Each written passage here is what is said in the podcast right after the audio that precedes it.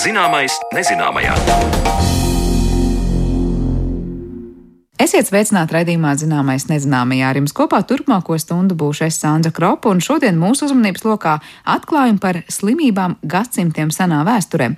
500 gadu senā Daniela Hermaņa poēma ir viens no pirmajiem iespēju darbiem Rīgā, un tas ir arī pirmais darbs, kurā minēta kāda reti sastopama medicīnas anomālija. Kas rakstīts senās grāmatas rindās, un kas par tā laika sabiedrību lasāms arī starp rindiņām, par to jau pavisam drīz runāsim raidījuma turpinājumā. Bet pirms tam iepazīsim anatomijas muzejā skatāmo izstādi. Anatomija un ārpustās ir Rīgas Tradiņu Universitātes anatomijas muzejā skatāma starptautiska izstāde, kas saista anatomijas zinātni ar mākslu. Kā mākslinieks savos darbos var izmantot cilvēka skeletu, audus un pat taukus, par to vairāk Marionas Baltkalnas sagatavotajā stāstā.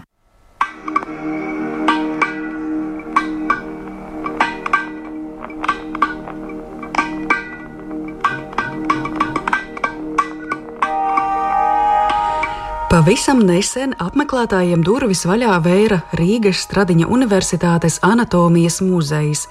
Šobrīd visos muzeja stāvos līdzās pastāvīgajai ekspozīcijai interesantiem iespējams skatīt izstādi septiņus neparastus anatomijas un mākslas sadarbības rezultātā tapušus darbus, kas katrs savā unikālajā veidā sasaucas ar izstādes nosaukumu Anatomija un ārpus tās. Mākslinieki no Beļģijas, apvienotās karalistes, Amerikas Savienotajām valstīm un Austrālijas pandēmijas apstākļos pārvarējuši ne tikai fiziskās robežas, bet darbos pētījuši arī cilvēka ķermeņa robežas un iespējas tās pārkāpt. Un pārvarot laika zonu robežas atbilstoši šim brīdim, ar trim māksliniekiem tiekos attālinātā sarunā, lai iepazītos ar izstādes ideju un mākslinieku individuālo pieskārienu. Par idejas aizsākumiem stāsta izstādes kuratore un medicīnas māksliniece Paskāla Polijē. This goes back a little while, I think to 2013, when we were organizing a very large exhibition and a conference, which was called Confronting Mortality with Art and Science. And then consequently, after that, it was a Vesalius Continuum. Stāsts ir sācies pirms kāda laika, šķiet 2013. gadā, kad mēs organizējām lielu izstādi un konferenci ar nosaukumu Pretstatot mirstību ar mākslu un zinātni. Tām sekoja konference Vezālija nepārtrauktība, un tajā mēs satikām daudz medicīnas vēsturnieku, medicīnas mākslinieku un anatomu. Tā bija ļoti interesanta mākslinieku un zinātnieku grupa, kuri strādāja kopā, lai svinētu cilvēka anatomijas tēva Andrejasa Vezālija dzīvi. Konferences laikā es kā kuratore organizēju arī ceļojošo izstādi Fabrika Vite, un tās laikā iepazinos ar daudziem māksliniekiem, kuru darbi šobrīd izstādīti Rīgā. Pašreizējā izstāde Anatomija un ārpus tās radās tāpēc, ka savulaik atvedot ceļojošo izstādi Fabrika Vite uz Latviju, Mēs palūkojāmies uz Paula Stradiņa medicīnas vēstures muzeja iekārtojumu. Es manīju, ka pirmajā stāvā atainota medicīnas vēsture un, kāpjot augstāk, redzēju, ka stāsts ir par ceļošanu kosmosā. Taču tā joprojām bija vēsture par ceļošanu kosmosā. Tā tapa jauna ideja, balstoties tajā, ka mēs jau raugāmies nākotnē. Ko darītu Vezālīs, ja viņš joprojām būtu dzīvs? Kādā medicīnas nozarē viņš darbotos? Kā viņš uzlūkotu cilvēka ķermeni? Mēs iegramām anatomijas nākotnes pētīšanā, bet ņemot vērā anatomijas pagātni un medicīnas vēsturi. Ir brīnišķīgi šo izstādi rādīt Latvijā, jo tas saskan ar jaunā anatomijas muzeja atvēršanu. Un šī ir pirmā izstāde, kas muzejā iekļauj medicīnas vēsturi vēsturē, anatomijas muzejos un pašreizējās zināšanās par cilvēku ķermeni balstītus laikmetīgās mākslas darbus un tādā veidā arī raugās nākotnē, kas ir ļoti aizraujoši.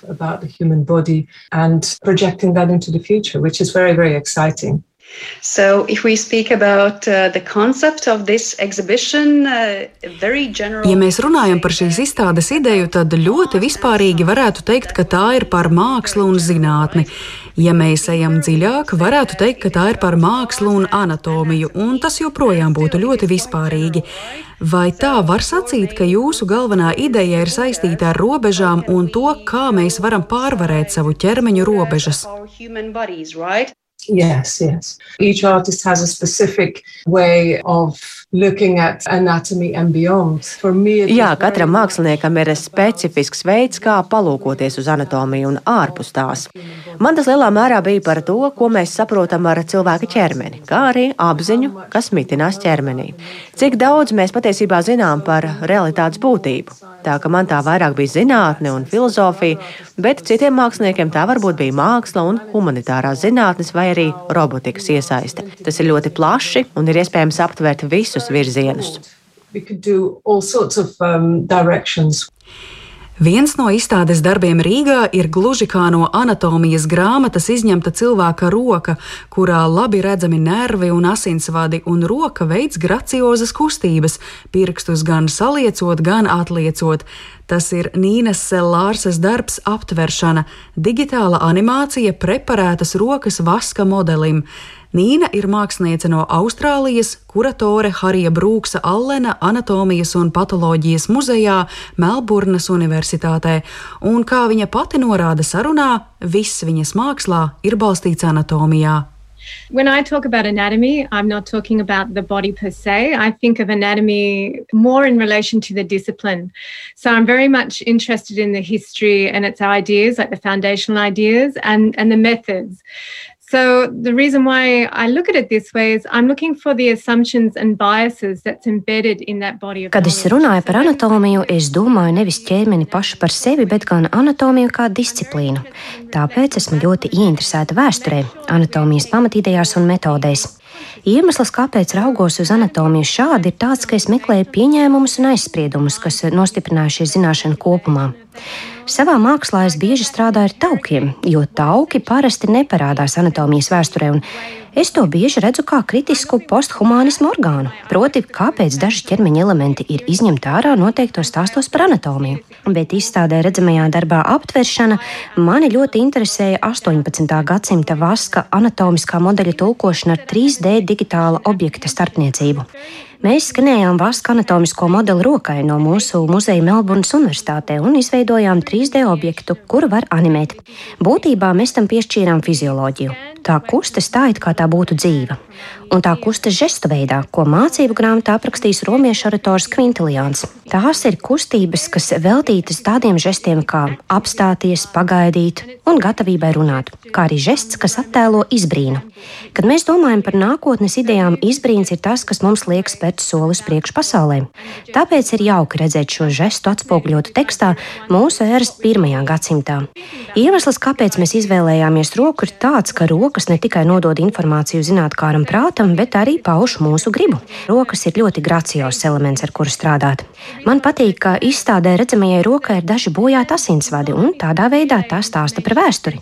Taču mēs nolēmām to digitālā formā īpaši nelabot, lai skatītājiem ir šī sajūta par bojātu modeli. Tas izskatās tik dzīvs, bet tad jūs atklājat, ka tas ir modelis. speaking of the history as well. But we decided not to digitally repair it too much. So you have this sense of being a broken model.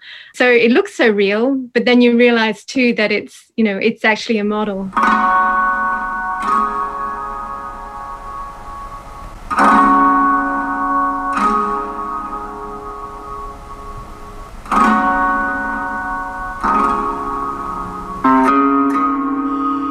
Nīnas Lārsas darbs lieliski iekļaujas starp muzeja eksponātiem, un māksliniece atklāja, ka viņai top vēl citas drosmīgas idejas, kā animēt ne tikai vaska modeli, bet arī īstu paraugu no bioloģiska materiāla.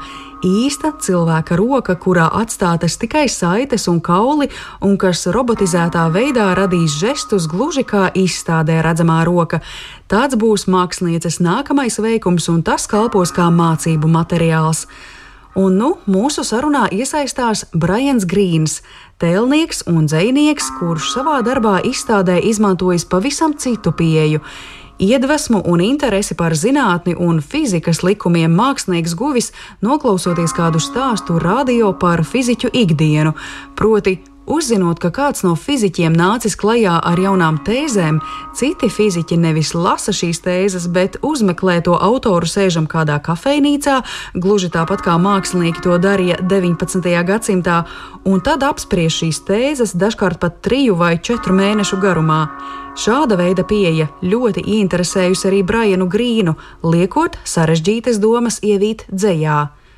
Līksme vienāda ar tukšiem lauciņiem Eksperiments mūs atbrīvojas, zinātne beidzot man būs pieejama.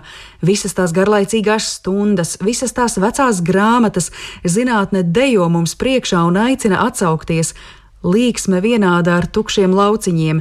Einsteins, Brainsteins, ārpus anatomijas, ārpus vistrakākajiem sapņiem, viss ir iespējams. Tas ir fragments no Briana Grīna izstādē lasāmās dzejas, un par dzeju stāsta arī pats autors.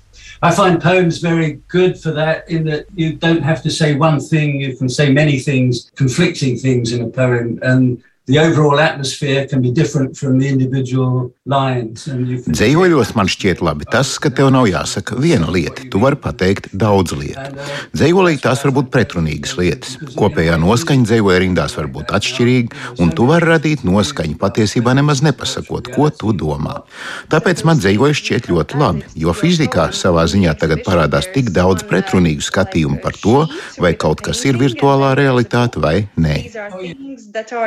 Described in your poem at some extent as well, because you say in your poem all those old books, all those boring lessons. Runājot par lietām, kas izstādē papildina jūsu dzējoli, tas ir palaks ar zīmējumu un grāmata.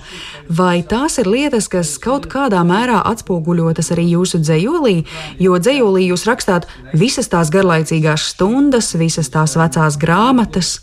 Ideja bija tāda, ka šī ir fizikas likuma grāmata, un es esmu no grāmatas visu izņēmis ārā. Palaks ietilpst grāmatā. Tātad tā vietā, lai izmantotu fizikas likuma grāmatu, kur atrodams tūkstošiem skaidrojumu, Jums ir palaks, kas savā ziņā atspoguļo dubultās spraugas eksperimentu fizikā, kas īstenots ap 1920. gadu un modernizēts 20. gadsimtā, tomēr nevienmēr izcelts ierastās fizikas pasaulē. Tas lielā mērā paliek ārpus skolā mācītajai fizikai. Tā kā neviens īsti nezina, kas šajā attēlā notiek, mēs domājam, varbūt šis un varbūt tas, bet fizikai vajadzētu tikt mācītai skolās kā aizraujošai filozofiskai problēmai. Ziniet, man liekas interesanti, ka biologi atgrūž fiziku tālāk. Viņi lūkojas uz putniem, kas ir migrējoši putni, un biologi neizmanto fiziku. Taču putni izmanto fiziku, lai atrastu savu ceļu. Savukārt mākslinieces Paskālas Polijē darbs ir ārpus stikla vitrīnes uz paaugstinājuma novietots skenēts, 3D printēts sena zemgaļa galvaskauss. Oriģināls atrodams turpat blakus muzeja kolekcijā, un tas ir vissenākais muzeja eksemplārs. Pieiet šim skenētajam galvaskausam tuvāk, ieskatieties tā orbītās, un varbūt kādā brīdī sev par pārsteigumu atklāsiet, ka šis galvaskauss patiesībā vēro jūs, atspulgu paužot kādā tuvumā esošā ekrānā. Par darba ideju turpina Paskāla Poljē. So uh, it is actually almost like a big brother, and that reflects on wherever we go in life, we are now being watched. You know, there's cameras everywhere. But in the future, this is Big Brother um, after his death. So it's he's become history, but he's still observing. So he has in one orbit uh, of his eye, he has a camera, Tas ir gandrīz kā lielais brālis, un vienalga, kur mēs dzīvē dotos, mēs tiekam novēroti. Kameras ir visur. Bet, varoties nākotnē, šis ir lielais brālis pēc nāves, tas ir kļuvis par vēsturi, taču joprojām novēro. Vienā viņa orbītā ir kamera, kas jūs novēro, un apmeklētājs tad kļūst par daļu no vēstures, par daļu no kolekcijas, jo planšetdators, jeb ekrāns ar lielā brāļa novērojumiem, patiesībā atrodas kolekcijā blakus citiem galvaskausiem. Tajā pašā laikā darbs ir diezgan izklaidējošs, jo galvaskausa otrā orbītā atrodas Sputnika modelis, kas plāno doties līdzi zvaigznēm un sasniegt to, kas vēl ir nezināms kosmosā. Taču Sputņika mazajā logā ir suns, Čerņuška, kura izbāzēnis glabājas Paula Stradiņa medicīnas vēstures muzejā. Tā kā es mēģinu notvērt cilvēku emocijas vai reakciju, kas varētu rasties skatoties uz galvas kausu. Kas tur ir iekšā? Sputņiks. Un tajā pašā laikā cilvēku reakcijas tiek filmētas, attēlotas un kļūst par daļu no kolekcijas. Šādi es lielā mērā redzu tagadni un kā tas aizvien vairāk progresēs nākotnē. Viss tiek novērots. Šī ir mana ideja par nākotni. Tā ir kontrole, tā ir sistēma mūsu kā cilvēku sugas brīvībai. Tā nav īpaši cerīga un pozitīva aina, ko es iezīmēju, bet šādi es redzu attīstāmies lietas. It's not very um, hopeful and positive uh, picture I'm, I'm painting here, but this is how I see things progressing. Mākslas un anatomijas krustpunkti nav nekas jauns. Tie meklējami jau krietni senākos gadsimtos. Daudz piemēru varam atrast Renesanses laikā un jau pieminētā Andreasa Vezālija darbos. Kā norāda izglītības projektu vadītājs Anatomijas muzejā Kaspars Zeltāns, mūsdienās mēs vienkārši turpinām šo komunikācijas veidu. Anatomijas muzejs mākslu kā mediātoru izmanto arī savā ikdienas darbā, un izstāde Anatomija un ārpus tās ir vēl viens paņēmiens, kā to darīt, turklāt atšķirīgos veidos. Par to turpina Kaspars Zeltāns. Dažiem mākslas darbiem tās e, būs, ka zinātnē ir iedvesmas avots, tīri zinātniskas spekulācijas par ceļojumiem kosmosā. Reizēm tā būs pati tehnoloģija, jeb tehnika, Un reizēm tas pat ir kaut kāda latiņa augšā, kas veido jaunu apakšžanru, tā saucamo biomākslu. Piemēram, fantastiskais amerikāņu mākslinieks Džo Deivis, kurš ir biomākslas viens no pamatlicējiem, viņš burtiski neizmanto, kā mēs klasiski saprastu, mākslu, otas, eļļas krāsas vai marmoru un kaltu. Viņš izmanto DNS Viņš izmanto šūnu replicēšanu, viņš izmanto šos klasiski eksakto zinātņu rīkus, lai radītu mākslas darbu. Daži darbi mums piedzīvoja paši savu sangrieķu odiseju, kā piemēram mums ir darbs, kas saucās Atanāzija ceļojums kas ir stāsts par renesanses kosmonautu, kas dodas izpētīt plašās zvaigznes un, un lielo telpu starp tām. Un tas darbs nāca no Lielbritānijas. Un, kā jau mēs zinām, ir Brexit ar visiem saviem izaicinājumiem. Kā rezultātā mums atnāca tā rupji rēķinot 85% no darba, izņemot pašu atanāzija galvu. Līdz ar to mēs jau sākām smieties, ka viņš pats tagad ir iesprūdis tagad nākamajā atanāzija ceļojumā, pateicoties Brexit un, un, un visiem Covid ierobežojumiem. Šobrīd kaut ko pasūtīt no ārzemēm, tur vajag ļoti daudz pacietības. Tā māksla tiešām, vai mākslas vēsture, ir fantastisks veids, kā komunicēt teorētiski sarežģītu tēmu, interesantos un vienkāršos skaidrojošos veidos. Un šī izstāde Anatomija un Beyond ir tieši tas pats. Tas ir mēģinājums tulkot eh, anatomiju ar laikmatīgas mākslas palīdzību un spekulēt par nākotnes anatomiju. Tā kā tagad pedagogiem un izglītības ministrijai ļoti patīk teikt, ir svarīgas caurvīju prasmes. Agrāk mēs teicām, starpdisciplinārā saite, bet nu, tagad tas skaistais jaunvārds caurvijas. Un, jā, māksla, anatomija, vēsture, zinātne, arhitektūra tas viss vienkārši saplūst kopā. Izstādes veidotāji uzskata, ka labai mākslai vajadzētu pārkāpt robežas, bet kā mūsdienu anatomiju un mākslu transformēs tehnoloģijas? Tas ir jautājums, ko var risināt ik viens apmeklētājs, skatot izstādi Anatomija un ārpus tās līdz nākamā gada janvāra beigām.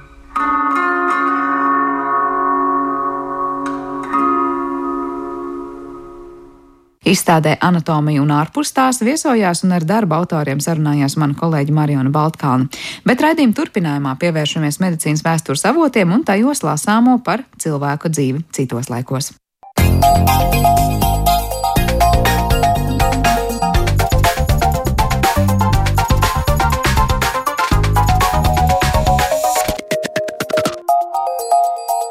Zināmais nezināmajā.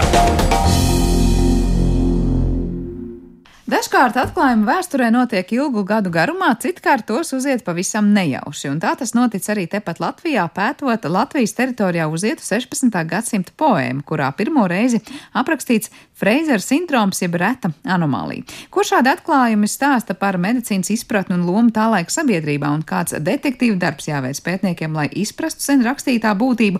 Par to tad šodien mēs runāsim ar mūsu studijas viešņām. Medicīnas vēsturniece Rīgas Tradiņu Universitātes anatomijas muzeja vadītāja Ieva Lībiet, pie mums sveiki jau! Labdien! Un arī latīnistu un seno iespiedu pētniece Laura Kreigera Liepiņa. Sveicināti! Labdien!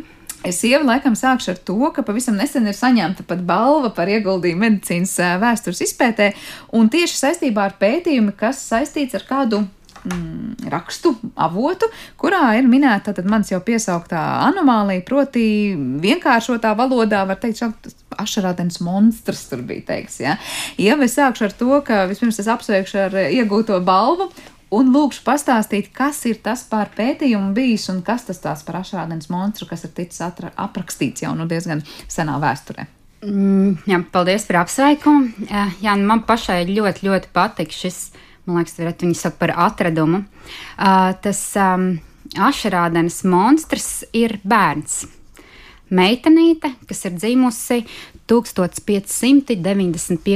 gadā Ašarādenā, tādā lauku mājā, zemnieku mm, lauku cilvēku vecākiem. Uh, Ašarādena nu, ir mūsdienu aizkraukla, un tā mājiņa pēc tā, kā, ko mēs varam izvilkt ārā no šīs pieminētās poēmas, ir, uh, nu, ja mēs viņu mēģinām lokalizēt šodien, tad ir atradusies kaut kur pa vidu starp skrīveriem un aizkrauklu Daugavas upes krastām. Uh, nu, lūk, un šī meitenīte ir piedzimusi tāda, ko tolaik dēvēja par monstru, jeb mūsdienu valodu lietojot, tā būtu uh, meitenīte ar iedzimtām, ar multiplām iedzimtām anomālijām.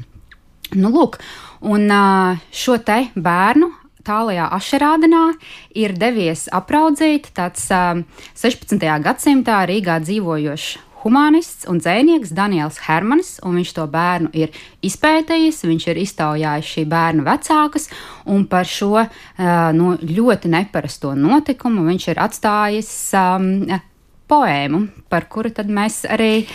Droši vien sīkāk runāsim, jo es saprotu, ka Laura ja ir bijusi tā, kas tulkoja šo poēmu un, un šo darbu, var teikt, padarīja pieejamāku Latvijas lasītājiem.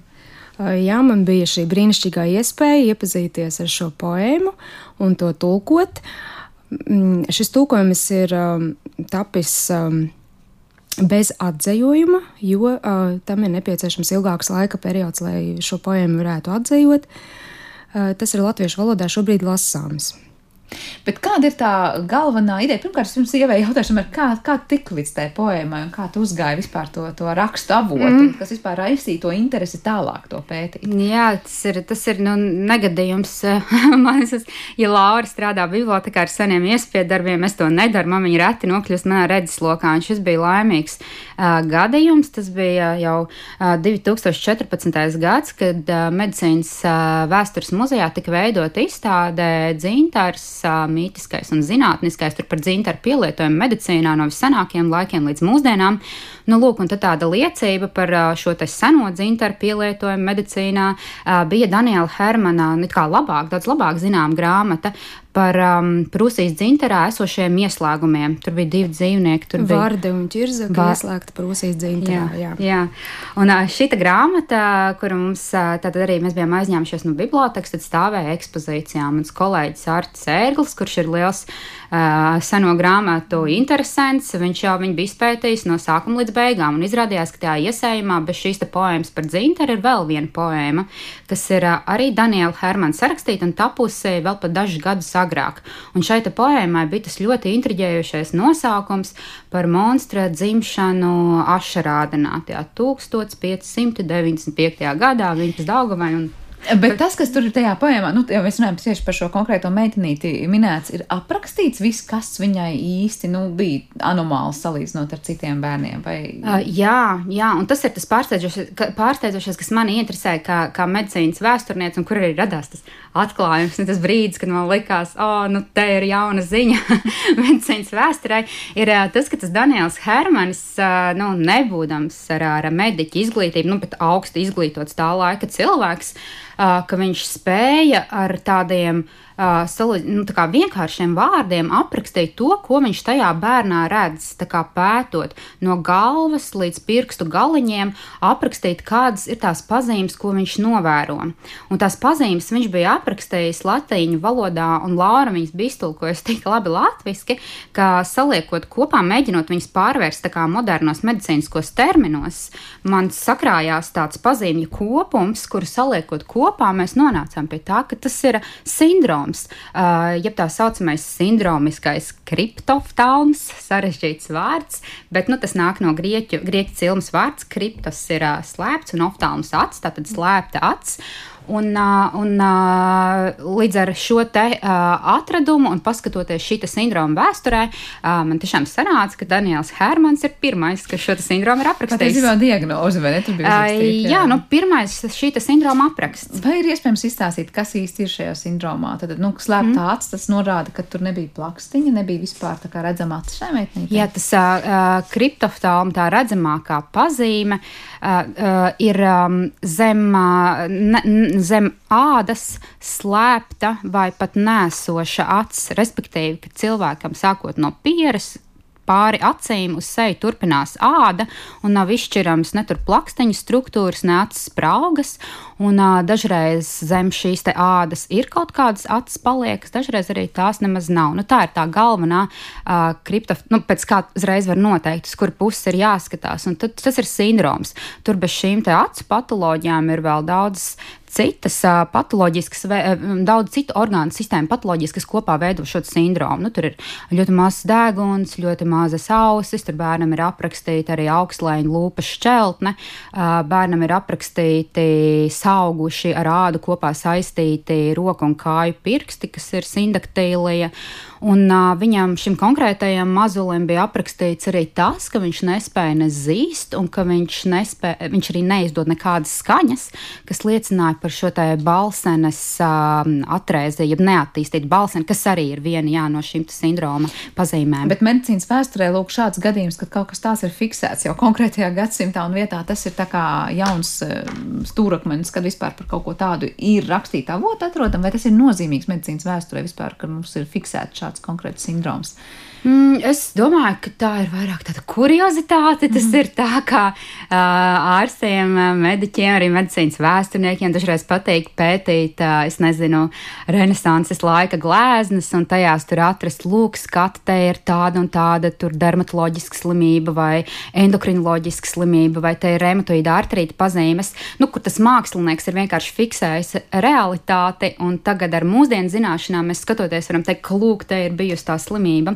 Nu, tas ir, man liekas, vairāk kaut kas, kaut kas tam līdzīgs. Jā. Tāda, tāda praktiskā pielietojuma tam, ka mums tagad ir izdevies fiksēt konkrētajā laikā. Um, aizkraukstumā dzīvojuši konkrēti mm -hmm. mednītes, tas neko tātad par šīs sindroma um, fiksāciju neko daudz nedod. Pareizi saprotu. Es domāju, ka nu, es, es ceru, ka es šaubos, bet man šķiet, ka praktiskais pielietojums manam atklājumam īsti nebūs. Man jautājums, kā ir tulkot tādu tekstu, kas ir nu, jā, pamatīgi gadsimtu gaitā nostāvējis, lai gan latīņu valoda, protams, latīņu valodas ekspertam tas ir nu, maizes darbs, vai ne? Visu laiku saskarties ar tekstiem, kas ir ļoti, ļoti seni. Vai šis konkrētais poēmas uh, fragments bija izaicinošs? Jāsaka, ka šī poema bija ļoti aizraujoša un interesanta man kā latīnistam. Valoda ļoti um, bagātīga, ļoti krāšņa. Tas ir renesanses laika beigu periods, gandrīz vai jau baroka laikmeta iezīmes ir poēmā jūtamas. Un uh, Daniels Hermans ir um, atsaucies uz ļoti daudziem latīņu un grieķu vēsturniekiem, nu, tādiem pusleģendāriem pat. Uh, kas bija tradīcija, ka romiešu autori arī pēc tam atsaucās uz grieķiem, un renesanses laika dzēnieki atsaucās uz visiem iepriekš minētajiem. Un tad, lūk, šīs atsauces tā bija ļoti tāda, nu, teikšu, man kā izaicinājums visā šajā tulkošanas procesā, ka bija visu laiku jāmeklē papildus literatūra. Kas tas ir par vēsturnieku, kas tas ir par autoru, kādi ir viņa darbi. Un jāsaka, ka par tiem monstriem jau ir rakstījuši gan antīkajā pasaulē, gan viduslaikos pirms tam, un renesanses laikā, 16. gadsimtā tā vispār bija tāda kā top tēma numur viens, jo cilvēkiem interesēja viss dīvainais, viss neparastais. Un arī šo uh, dīvaino neparasto, ko viņi nevarēja izskaidrot, tad viņi saistīja ar visādām nelaimēm, ar visādām parādībām, un kas tajā laikā nebija mazums, visi kari, visas slimības. Un uh, tādus monstrus varēja pie visā arī vainot, kā tas ir arī redzams šajā poēmā. Uh, Eh, ka gadījās tāds notikums, eh, kuru Danielam Hermanim eh, izdevās piedzīvot, un viņš ir veiksmīgi interpretējis to savās dzējas rindās, sasaistot ar visiem notikumiem, kas tā laika politikā un reliģijā bija. Bet viņš, saprot, saistīja jau tajā poēmā to, kas ir noticis ar šo meitnīti, ar to, kādi ir apstākļi, kādos dzīvo cilvēki, kas notiek politikā, reliģijā un vis tā tālāk sabiedrībā vai kā? Jā, viņš ļoti pārdzīvoja to, kas notiek, visas konfrontācijas katoļu, katoļu ticīgo un protestantu reliģiskās cīņas, tāpat laikā arī Polijas lielvalsts un Zviedrijas karaspēka cīņas, kuras nepārtraukti tika pa laikam šajā laikā bija.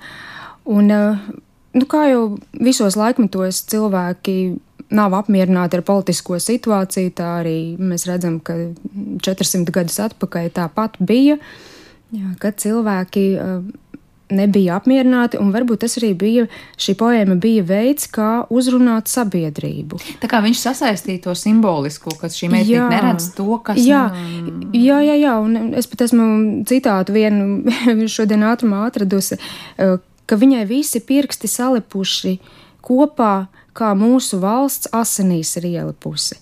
Un tādi spilgti citāti laiku pa laikam atkārtojas dzējas rindās, un visu laiku viņš atgriežas pie tā, ka tā sašķeltā valsts, sadalītā valsts tieši tāpat kā meitenītē, tie visi orgāni sadalīti un sašķelti, un, un, un visu laiku visu, viņš, viņš to saista kopā.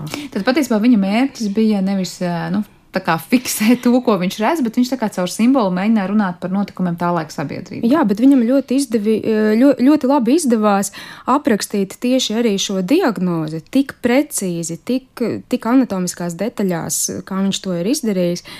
Mm, es tiešām nezinu, vai viņš nav studējis medicīnu. jā, jo, jā. jo tajā laikā cilvēkiem bija tās encyklopēdiskās zināšanas, varēja studēt tieslietas, un vēsturi un matemātiku. Un es zinu skaidri, ka viņš studēja dabas zinības, dabas zinātnes, tā teikt. Toreiz varbūt arī kāds medicīnas kurs tajā visā bija toreiz iekļauts. Nu, to mēs nevaram zināt. Jā, vai piebilstams, kas bija par to, kā nē, tas ir aprakstīts? Jā, nē, nu, fakts ir tāds, ka viņš ir kādās sešās augstskolās studējis jā. Eiropā un 14 gadus. Vai Droši vien, ka kaut kur viņš ir saskāries arī ar kādiem medicīniskiem tekstiem. Man atkal likās, nu tā ir tikai mana spekulācija. Es atkal domāju, varbūt tieši tā, mm, tā kā medicīnas nestudēšana ļāva viņam paskatīties ar tik vienkārši tādām it kā naivām, bet tādām racionālām acīm vienkārši uz to, ko viņš redz. Nu, tā kā viņš nesāka uzreiz jau nākt ar kaut kādu apakšēju teoriju par to, kas tur, ka viņš tiešām vienkārši, ko viņš redz, to viņš apraksta. Bet, nu, jā, noteikti, kad viņam no arī medicīnas teorijas jau, jau, jau nebija svešas. Arī, jā. kā ir piemēram medicīnas vēsturniekiem strādāt ar šādiem seniem tekstiem, kur autori nebūdami mediķi, ja kaut ko fiksē, viņi tā kā no vienas puses savas pārdomas vai redzējumu fiksē. Nu, tur laikam ir tā riskanti, ka dažkārt mēs nevaram pārlieku vadīties pēc tā, kā cilvēks viņam liekas, ko viņš ir redzējis, viņš ir fiksējis, un mēs sakām, ah, tad to laik bija tāda, tāda diagnoze tam cilvēkam. Šis gadījums ir tāds, kas ir nu, tik precīzs un tik ļoti, nu, kas sakrīt pa tām mm. diagnozes dažādām, es nezinu, daļām. Mm. Nu, jā, ar, ar vislielāko varbūtību tā var teikt. Nu, to pētījumu nopublicēja arī ģenētikas žurnāls, un tur bija divi recenzenti. Man liekas, ka viens no viņiem bija Freizers. jo tad viņi arī vēl tur visas tās pārējās šaubīgās lietas tur komentēja. Un tā kā nonācām jā, kopā ar tiem recenzentiem pie tā slēdziena, ka ar vislielāko varbūtību tas tiešām ir pirmo reizi aprakstīts uh, Freizers sindroms. Nu, tāpēc, ka tas, uh, tas sindroms viņiem ir. Um, dažādu pazīmju kombinācija. Tur, lai šodien pateiktu, ka cilvēkam ir Freizera sindroms, tur ir jā, jākombinējas vairākiem kritērijiem. Tur ģenētiķi izdala lielos kritērijus, kuriem tur ir obligāti jābūt, un mazos kritērijus, kas dod papildus spēku tai diagnozē. Nu, tā ir tāda kopā būvēšana. Bet tu tikko teici, ka tas ir pirmo reizi fiksētais sindroms. Tad medicīnas vēsturē tas ir nozīmīgs atklājums. Tas ir nozīmīgs. Jā, nu, kamēr kāds neatklāja vēl kaut ko agrāku. Jā, pašlaik, jā. Jo, jo līdz šim skaitījās, nu, teiksim, literatūrā, kas apraksta Frēzera sindromu vēsturi, bija nu, dokumentēts, ka pirmais sindromiskā kriptoftalma apraksts ir 1872. gads, tie ir vācu oftalmologi. Bet tas ir sindromiskais kriptoftalms. Kriptoftalms, šī slēptā acis, kas ir izolēta bez citām, jebkādām papildus uh, anomālijām, patiesībā ir aprakstījis jau arī, starp citu, Hermana citētais uh, uh, Plīnijas uh, savā dabas uh, vēsturē. Tur viņš raksta par kādu um, uh, romiešu uh, cilti, kurā vienā ģimenē ir bijuši trīs bērni, kuriem acīm pāri ir bijusi membrāna, jeb āda. Nu, tā tad viņš jau to ir aprakstījis, bet šit, šeit viņš nav devis nekādas papildus. Nu, tie ir tādi vienkārši cilvēki, kuriem priekšā acīm mm. rāda, citas pazīmes nav. Tātad tas tiek uzskatīts par pirmo pierakstu šim te izolētajam kriptoftalmam, bet tā pirmais pieraksts, kur ir kriptoftalms kopā ar citām pazīmēm, sindromiskais kriptoftalms, jeb Freizera sindroms, tas ir jāsaistīts ar to 19. gadsimta otru pusi. Kas mums ir zināms par konkrēto to meitnīti? Es saprotu, viņa nodzīvoja 21 dienu. Tas ir zināms vēsturniekiem, kas ir bijis un kāda ir bijusi tā vispār notikumu gaita to laiku ap to konkrēto gadījumu un kāda bija sabiedrības attieksme pret to, mm. kāda tur ir. Tas, manuprāt, bija dzējas rindās arī rakstīts tieši konkrēti. Daniels ah, bija, tas ir fiksēts. Tad. Jā, cik dienas tieši viņa nodzīvoja un tad izdvesa savu pēdējo nopūtu. Manuprāt, tā bija. Jā, mm. Jā un, un kāda bija cilvēku attieksme? Cilvēki bijās no tā, tāda trauksmaina attieksme bija. Jo toreiz jau ģenētikas no, nozara nebija tik attīstīta, un, un tas viņus satrauca, protams. Un vēl būtisks jautājums šiem zemniekiem, kuriem piedzima tā meitenīte, vai viņu var kristīt. Jo toreiz arī tas bija aktuāli, vai šādus bērnus drīkst kristīt. Nu, un tad uh, Daniels Hermans veselu tādu skaidrojumu ar salīdzinājumiem no pagātnes mm, deva, un, un tad uh, beigās nonāca pie secinājuma, ka drīkst, ja, ja cilvēkam ir šīs. Uh, Kā, kā precīzi tādas tu, tuvu cilvēka ārienei, tas monstriņš ir nu, nu, pielīdzināms cilvēkam, pēc izskata nevis dzīvniekam. Un tad, tad tos tad var um, kristīt. Jā. Bet tādas diskusijas tā laika sabiedrībā uzvirmoja. Ja? Tad drīkst, nedrīkst, ko darīt, ko, ne, ko nedrīkst. Jā, jā, jā tas bija aktuāli. Jā. Jā. Nu, to mēs zinām jau, mm. no, no, no tā, ko ir atstājis jā, tas Daniels Hermans. Man liekas, ir ļoti interesanti, ka pavisam sīk tur tajās dzējas rindās ir piebilsts par to, ka nu, beidzot tas Daniels Hermans kopā ar to pieaicināto mācītāju Hermanu Vīceju ir uh, vienojušies, ka viņi tomēr to bērnu kristīs. Viņš jau piebilst, nu kaut vai tāpēc, lai liktu vecākiem to bērnu lolot un, un, un saudzēt uh, un neatņemt viņam dzīvību, kas man liekas ir ļoti interesanti. Tas arī infanticīts, ja, jeb, teiksim, jaundzimuši bērni, kuram nu, bezper bezperspektīva bērna, tā tad iespējams arī eitanāzija nu, pieminēta šajos te rakstos. Kāda bija tā laika, tad, tad par eitanāziju runājot, tā, tā ideja? Tas nozīmē, ka kristīja ar domu, lai vecāki apzināti nenonāvē šo bērnu, vai kad Protams, viņi sāk domāt, varbūt pie šādām anomālijām ir mm. vajadzīga eitanāzija, un tas bija tā kā pieļaujams tā laika sabiedrībā. Es nezinu, tas ir tās divas vai trīs rindas, no kurienes es šo te teoriju virpinu, Laura. Nu, tas, kas ir poēmas rindās rakstīts, sākot jau ar antīko pasauli un Romu pieminēšu atkal, ka šādi monstri ar likumu uh, bija jālikvidē. Pēc tam nākamos gadsimtos sabiedrības attieksme arī nebija kļuvusi daudz tolerantāka. Runājot par 16. gadsimtu, bija visādi, jo ļoti bieži, kā arī Daniels Hermans raksta, šie bērni ļoti ātri aizgāja pie dieva. Bet šajā gadījumā Kristīte vēlējās vecāki, lai viņiem būtu sirdsmieris. Es tā sapratu ka tas bija viens no tiem iemesliem, kāpēc viņi gribēja kristīt to bērnu. Jā, un lūk, mēs visu šo patiesībā varam izdomāt tikai no konkrētajām rindām, kas ir dažas rindīs ja, šajā poemā, jo pati poema nav nemaz tik gara. Jā. Poema ir diezgan gara patiesībā, un, un tas faktoloģiskais materiāls ir ļoti bagātīgs. Poemā viņš runā par visa veida monstriem, kas ir ne, ne tikai cilvēki monstri, bet arī mītiski visādi mm, no antīkās pasaules un viduslaikos pieminētie arī par eh, komētām un par asins lietu un par visādām tādām dabas parādībām, un tam visam, kas man izbrīnīja šo poemu tūkojot un pētot, viņš uh, nostata blakus šos cilvēkus ar iedzimtām anomālijām. Jo tajā laikā, nu, patiesībā tie ir daudz, daudz gadsimti, uh, neatšķīra šo cilvēku, kurš ir piedzimis Sijāms Dvīnīši, piemēram. No, no tādiem mītiskiem, fantastiskiem, ar suņu galvām cilvēkiem un, un tam līdzīgiem radījumiem, kas ir interesanti. Raugoties no medicīnas vēstures, es nezinu, jau cik daudz var teikt, nu, kā agrākos laikos, var teikt, tā bija diezgan izplatīta lieta, laiku pa laikam saskarties ar šādām iedzimtām anomālijām. Es iedomājos, nu, kaut vai tīri mūsdienās, ja cik ļoti iespējams ir diagnostikā jau, jau grūtniecības laikā redzēt ļoti daudz anomālijas un daudz šādu bērnu vienkārši nepiedzimst. Kā ar tiem laikiem, un vai var teikt, tāpēc arī mums ir poēmās ik pa laikam atsauksmes varbūt uz kaut ko tādu, kas to laiku. Nu, jā, tā modernā medicīna jau ir pavisam nesena. Uh, ģenētika, kas skaidro veidus, kādā, kādā šādas anomālijas rodas. Tas ir 20. gadsimts teiksim, metodas, ar ko mēs varam jau grūtniecības laikā noteikt, kā ultrasonoskopija, tas ir 20. gadsimta vidus. Un tagad mums tā ir pieredze domāt, ka nu, mēs jau grūtniecības laikā jau paredzam, nu, kas tur piedzims. Bet agrāk jau tas bija pārsteigums. Tev piedzima puisīts vai meitenīte vai bērns ar divām galvām vai nedzīvs bērns. Ja tas bija, nu, tā kā tu gaidīji, tas viss bija tāds, nu, daudz, pieņem daudz vairāk uztraukumu pilns laiks nekā mūsdienās. Un tad, jā, nu, šie te, tātad medicīniski nebija iespējams noteikt šīs anomālijas grūtniecības laikā, un tiem bērniem vienkārši nācās piedzimt. Nu, tādā ziņā mēs varam teikt, ka viņi droši vien bija vairāk nekā viņi ir mūsdien, nu, mūsdienās attīstītā sabiedrībā.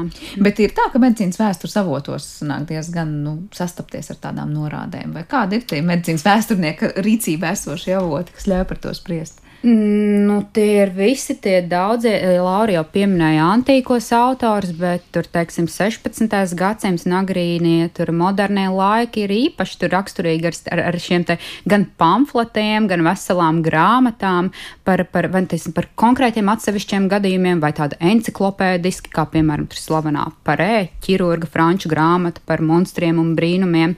Uh, tas ir uh, tāds, tāda veselā kustība, un man liekas, ir ļoti jauki jauki, ka mēs ar uh, Lauru uh, esam atraduši šo te Daniela Hermana rakstīto, kas iekļauj tātad uh, Rīgu uh, arī šajā te pašā visā 16. gadsimta monstru pētīšanas tradīcijā.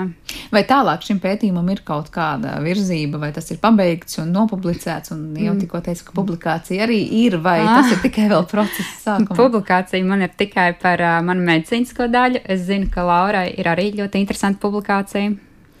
Uh, jā, tajā laikā, kad es uh, tulkoju, arī tad, uh, man bija tāda iespēja uzrakstīt rakstiņu par šo uh, poēmu.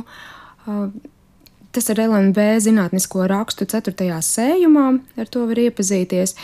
Bet tā arī ar šo rakstiņu tas pētījums nu, apstājās, teiksim tā. Uh, Tāpēc es tagad pirms intervijas tieši visu atkal pārlasīju un, un pati pabrīnījos.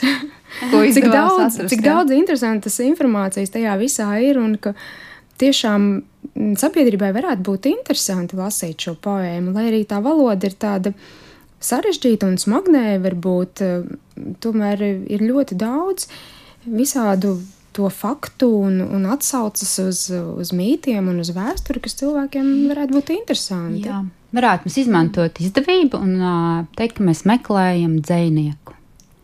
Jā. Kā būtu jābūt dziniekam, lai, lai atbilstu jūsu prasībām konkrēti šim gadījumam? Dziniekam vajadzētu izveidot atzējojumu latīņu, tulkojumam no latīņu valodas attiecīgajā pantmērā, kāds ir šim dzējolim. Tā kā tas ir tāds pamatīgs darbiņš vēl priekšā, lai mēs varētu lasīt šo poēmu kā tādu, nu, ne 16. gadsimta valodu, bet 21. gadsimta valodu. Es domāju, ka 16. gadsimta valodu noteikti vajadzētu saglabāt, jo citādāk tā poēma zaudēs savu šarmu. Bet, protams, ir jāpārskata vairāki termini un vairāki vārdu savienojumi, lai mūsdienu lasītājiem būtu saprotams, par ko ir runa. Varbūt ir kāds piemērs par to 16. gadsimta valodu, nu, kas varbūt būtu mūsdienas lasītājiem grūti saprotams vai uztverams, bet ko mēs nojaušam vai saprotam, kas tas ir. Nu, tādu piemēru konkrēti es nepateikšu. Noteikti, jo visa dzēja, poēma no sākuma līdz galam liecina par šo 16. gadsimta izteiksmes veidu, jo viss ir aprakstīts detaļās. Tad pārāk daudz detaļu tā varētu teikt ar šajā. Nu? Varbūt arī tā varētu teikt, bet tas ir humanismā laikmetam un, un dzīsniekiem humanistiem, kas ir Daniels Hermanis, tas ir raksturīgi pievērst uzmanību vissīkākajām detaļām. Un tas arī šo poēmu varbūt padara tādu nu, nedaudz varbūt smagnējāku. Um, bet visi šie piemēri atsaucas uz uh, vēsturiskiem faktiem. Es jau laikam to atkārtoju vairākas reizes, bet tiešām viņš raksta uh, poēmas uh, maliņā 1570. gadā Rīgā piedzima Sijāms Dvīnīši, un tas iezīmēja tādu un tādu vēsturisku notikumu. Nu, nu, tas man Katrā ziņā tiešām izklausās, ka tā ir tāda pamatīga rakstu krātuve un tāds arhīvs, kas ir saglabājies. Kronika savā ziņā. Vispār. Tiešām kronika, kuru Jā. var eh, celt gaismā un par to daudz, daudz domāt.